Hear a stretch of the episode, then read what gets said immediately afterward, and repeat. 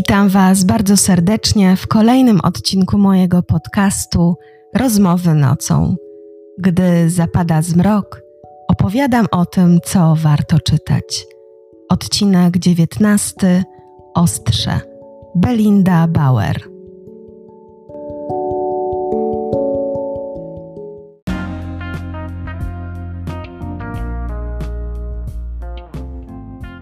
To nasze pierwsze tegoroczne spotkanie, dlatego chciałabym Wam życzyć wszystkiego najlepszego w nowym roku, a przede wszystkim tego, abyśmy jak najszybciej wrócili do normalności.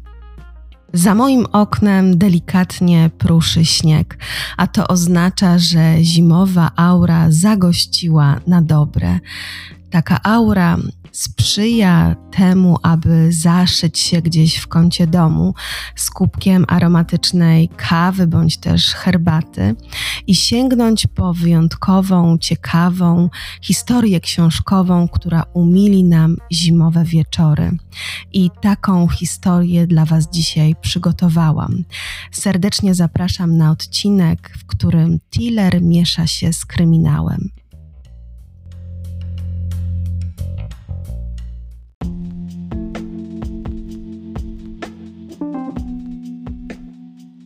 Wyobraźmy sobie upalne lato.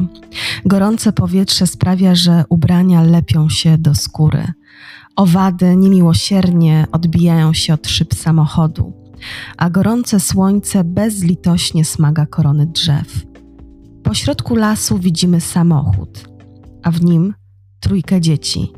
Najstarszy z nich to Jack, ma tylko 11 lat. Obok niego dwie siostry – ta najmłodsza jeszcze nie ma pojęcia, co się stało.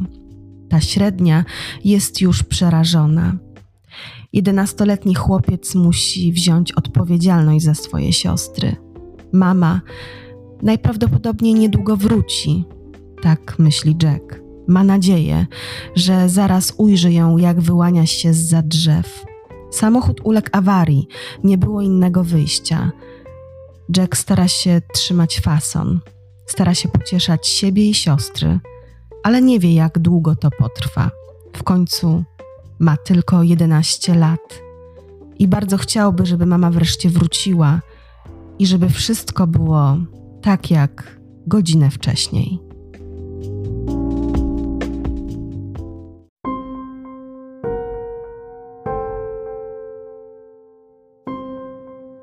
Jack zatrzasnął drzwi i cmoknął z dezaprobatą. Siostra lubiła dramatyzować. Miała dziewięć lat i albo płakała, albo śpiewała, albo się śmiała. Zwykle otrzymywała to, o co jej chodziło. Ile już minęło?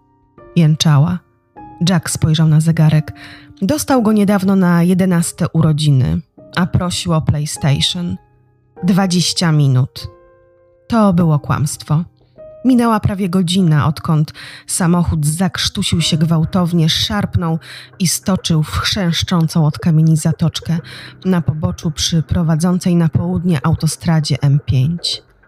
To oznaczało, że upłynęło ponad pół godziny, odkąd matka zostawiła ich w tym miejscu i poszła szukać telefonu. Zostańcie w samochodzie, zaraz wrócę. Cóż, nie wracała i Jack poczuł znów to ukłucie irytacji, pojawiające się zawsze, kiedy ich matka nie była ojcem. Tata wiedziałby, co się stało z samochodem. Nie siedziałby przekręcając kluczyk raz po raz, póki nie padł akumulator. Miałby ze sobą komórkę i nie musiałby niczym jaskiniowiec iść wzdłuż autostrady, by znaleźć telefon alarmowy. Mary marudziła i wierciła się, przypięta do fotelika coraz bardziej rozdrażniona z powodu słońca świecącego jej prosto na buzie.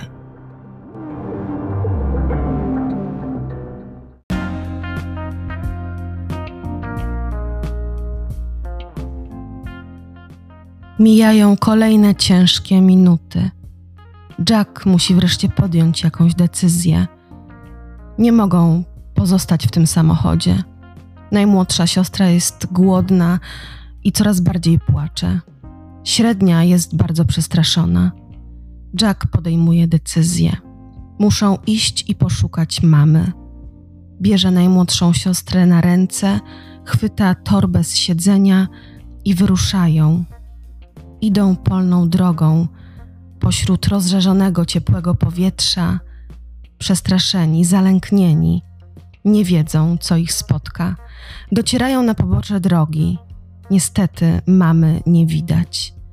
Jakiś samochód przejeżdża z piskiem obok, ale nie zatrzymuje się. Najmłodsza siostra zaczyna płakać. Jack rozumie, że musi podjąć decyzję o tym, aby zaopiekować się siostrami, ale nie wie, że ta decyzja będzie brzemienna w skutkach, że opieka nad siostrami to będzie jego najważniejsze zadanie na następne lata.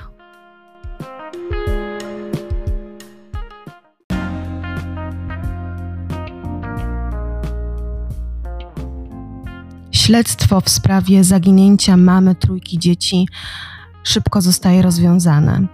Niestety okazuje się, że finał tego rozwiązania jest tragiczny. Mama została zamordowana. Nie wiadomo, jaki był motyw tego morderstwa i kto za nim stoi. Fakt, że była w ciąży i pozostawiła trójkę swoich dzieci w lesie w samochodzie, jest jeszcze bardziej dramatyczny.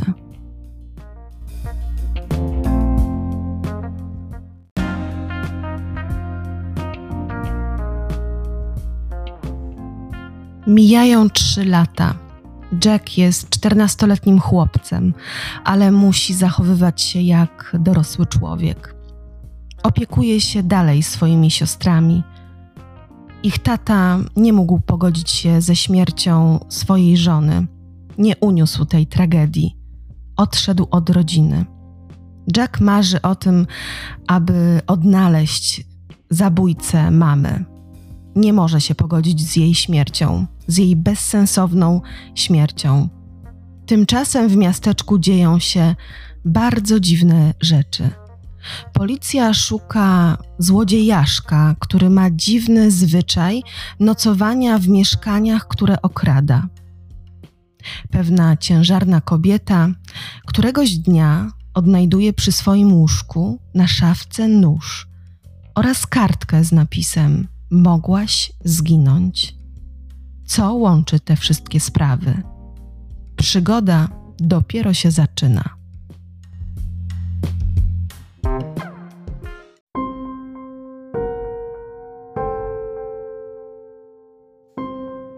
Widzę cię!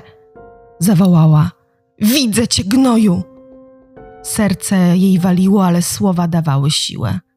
Już po wszystkim. Był tam i zniknął. Bała się i była bezpieczna. Już po wszystkim. Chmurka oddechu, którą jej okrzyk zostawił na szybie, powoli się rozpłynęła. Katerina odeszła od drzwi. Drżały jej kolana, więc usiadła i położyła trzęsącą się dłoni na brzuchu. W głowie przewijała wydarzenia w tę i z powrotem, od przyczyny i skutku, co było i co mogło być, aż w końcu wszystko się ułożyło i wróciło do normalności. Nic jej się nie stało. Nic im się nie stało, nie wydarzyło się nic złego, nic nie zabrano. To było najważniejsze. Podstawa, ale było coś jeszcze. Nie spanikowała, nie krzyczała, nie schowała się pod łóżkiem. Nie musiał jej ratować żaden mężczyzna. Zachowała się odważnie i mądrze. Katerina zdążyła niemal zapomnieć, jak smakuje niezależność, więc gdy szła na górę, czuła kiełkującą w piersi dumę. Wróciła do sypialni, zamknęła ze sobą drzwi i wydała przyciągłe westchnienie ulgi. Potem odwróciła się w stronę łóżka i poczuła żołądek zaciskający się tak mocno, że dziecko nagle kopnęło. Przy łóżku paliła się lampka. Przedtem się nie paliła. Przecież dłoń Kateriny zamarła w pół drogi, prawda? Na pewno nie zdążyła włączyć światła, a pod lampką, w małej kałuży blasku, leżał nóż. Nie kuchenny, prawdziwy. Katerina poruszała się jak duch. Spojrzała na nóż, jasne ostrze, o jednej krawędzi ząbkowanej, a drugiej okrutnie wygiętej, rękojeść wykładana perłowymi chmurkami. odbijającymi się w błękitnym morzu.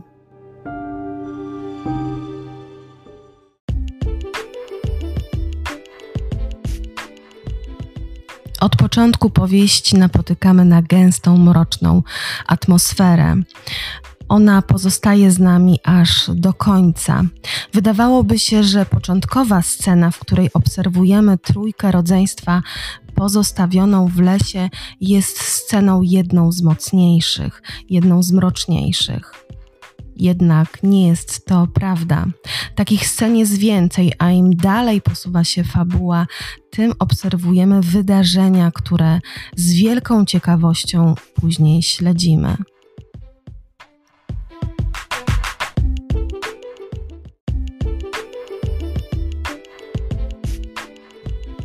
Ostrze to historia wielowątkowa. Z jednej strony obserwujemy trójkę rodzeństwa, która jest skazana na siebie i którą opiekuje się Jack. Widzimy również Katerinę, kobietę w ciąży. Śledzimy jej życie. Katerinę nie jest taką zwyczajną kobietą, a w jej domu dzieją się dziwne rzeczy. Widzimy również pracę policji, która nieudolnie poszukuje pewnego dziwnego złodziejaszka. I wreszcie widzimy, że Jack marzy o tym, aby odkryć, kto jest mordercą jego mamy. Opiekuje się swoimi siostrami, ale jego celem w życiu jest odkrycie, co stało się w tym dniu, w tym upalnym dniu w lesie. Dlaczego mama nigdy do nich nie wróciła?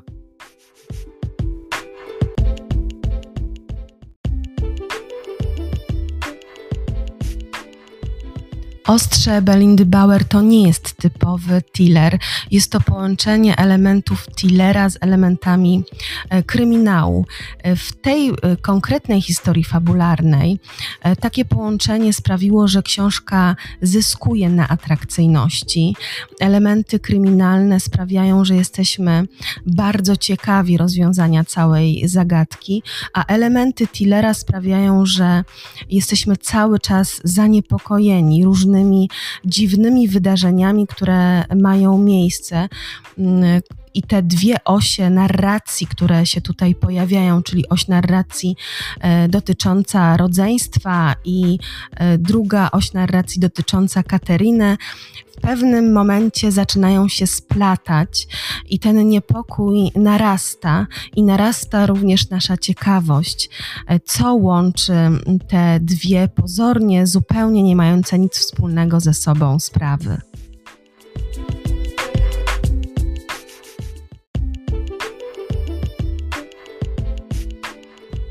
Książka Belindy Bauer jest książką typowo rozrywkową. E, książką, która trzyma w napięciu, która ma nietuzinkowych bohaterów, dobrze wykreowanych, e, w której wiele się dzieje. Kartki e, mkną nam przed oczami w zastraszająco szybkim tempie. Jesteśmy spragnieni rozwiązania całej akcji, ale tak jak już wspomniałam, nie jest to taki typowy thriller. Nie nie ma tutaj mm, takiego niepokoju spowodowanego szperaniem y, mm, narratora psychice y, postaci, w odnajdywaniu różnych motywacji y, jej zachowań, w takich mm, tajemnicach spowodowanych skomplikowanymi relacjami w związku, czy też relacjami e, w rodzinie. E, nie sprawia to oczywiście, że książka jest e, mniej ciekawa, mniej atrakcyjna, dlatego że autorka, biorąc na warsztat taką historię, wymyśliła sobie właśnie, że te elementy kryminału i thrillera będą współgrały. I tak też się właśnie dzieje.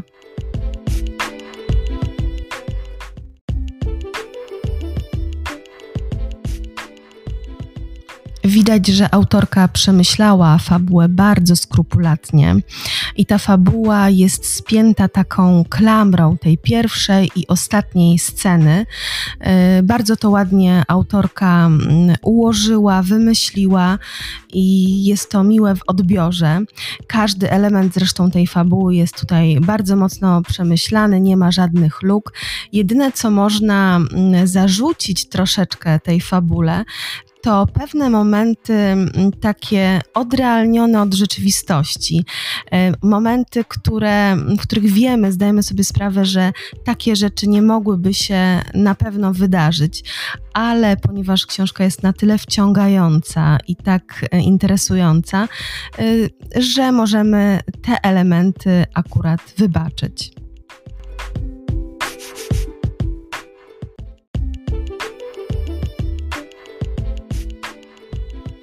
Na miano książki rozrywkowej ostrze zasługuje jeszcze z jednego e, powodu. Otóż oprócz elementów thrillera i elementów e, kryminału, znalazłam tutaj elementy humorystyczne, wręcz e, komediowe. Lokalna policja poszukuje pewnego złodziejaszka, którego nazwano Złotowłosy. Nadkomisarz Marvel ma bardzo specyficzne metody działania, takie dosyć trudne do zaakceptowania, wywołujące wręcz uśmiech na twarzy czytelnika, e, sprawiające, że o tych policjantach nie możemy powiedzieć, że są zbyt inteligentni. E, czasami e, prześciga w tej inteligencji, dochodzeniu do różnego rodzaju wniosków właśnie 14-letni e, Jack, ale to sprawia, że takie elementy humorystyczne jeszcze wzbogacają tę powieść, przez co staje się ona wyjątkowa, oryginalna i jedyna w swoim rodzaju.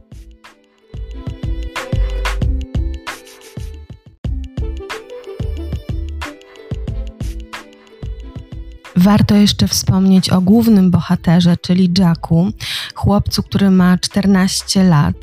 Jest niezwykle pomysłowy, sprytny, przedsiębiorczy, bardzo opiekuńczy, inteligentny. Potrafi dążyć do celu i postawić e, na swoim. Umie wywinąć się z różnych e, sytuacji, z różnych opresji. Chłopiec, który ma jeden cel w życiu. Chce mm, odkryć, kto stoi za morderstwem jego ciężarnej mamy, dlaczego e, to morderstwo w ogóle się wydarzyło. Nie potrafi zaznać e, spokoju. Chce wreszcie, żeby ta sprawa została zamknięta, żeby mógł spokojnie oddychać, żeby mógł wrócić do normalnego życia, o ile taka normalność jest e, w ogóle możliwa. Czy uda się Jackowi odkryć, y, kto jest mordercą jego mamy? Czy uda mu się odkryć tę tajemnicę, która jest trudna do rozwikłania i której do tej pory nikt nie zna?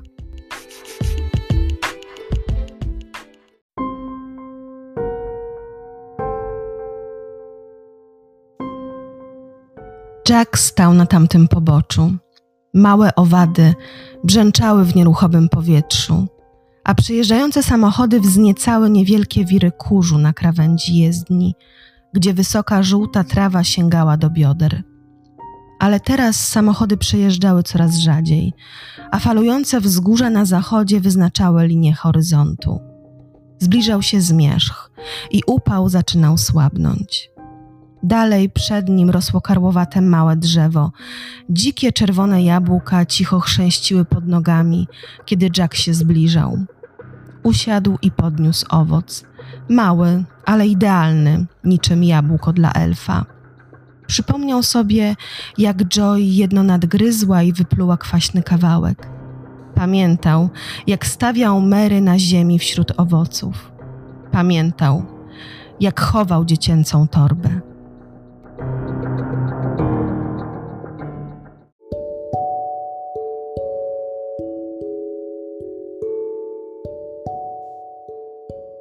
Dziękuję Wam bardzo serdecznie za wysłuchanie kolejnego odcinka mojego podcastu Rozmowy nocą. Mam nadzieję, że sięgniecie po książkę Belindy Bauer Ostrze i że umili Wam ona kilka zimowych wieczorów. Życzę Wam udanego tygodnia, wielu zaczytanych godzin. Trzymajcie się ciepło. Do usłyszenia.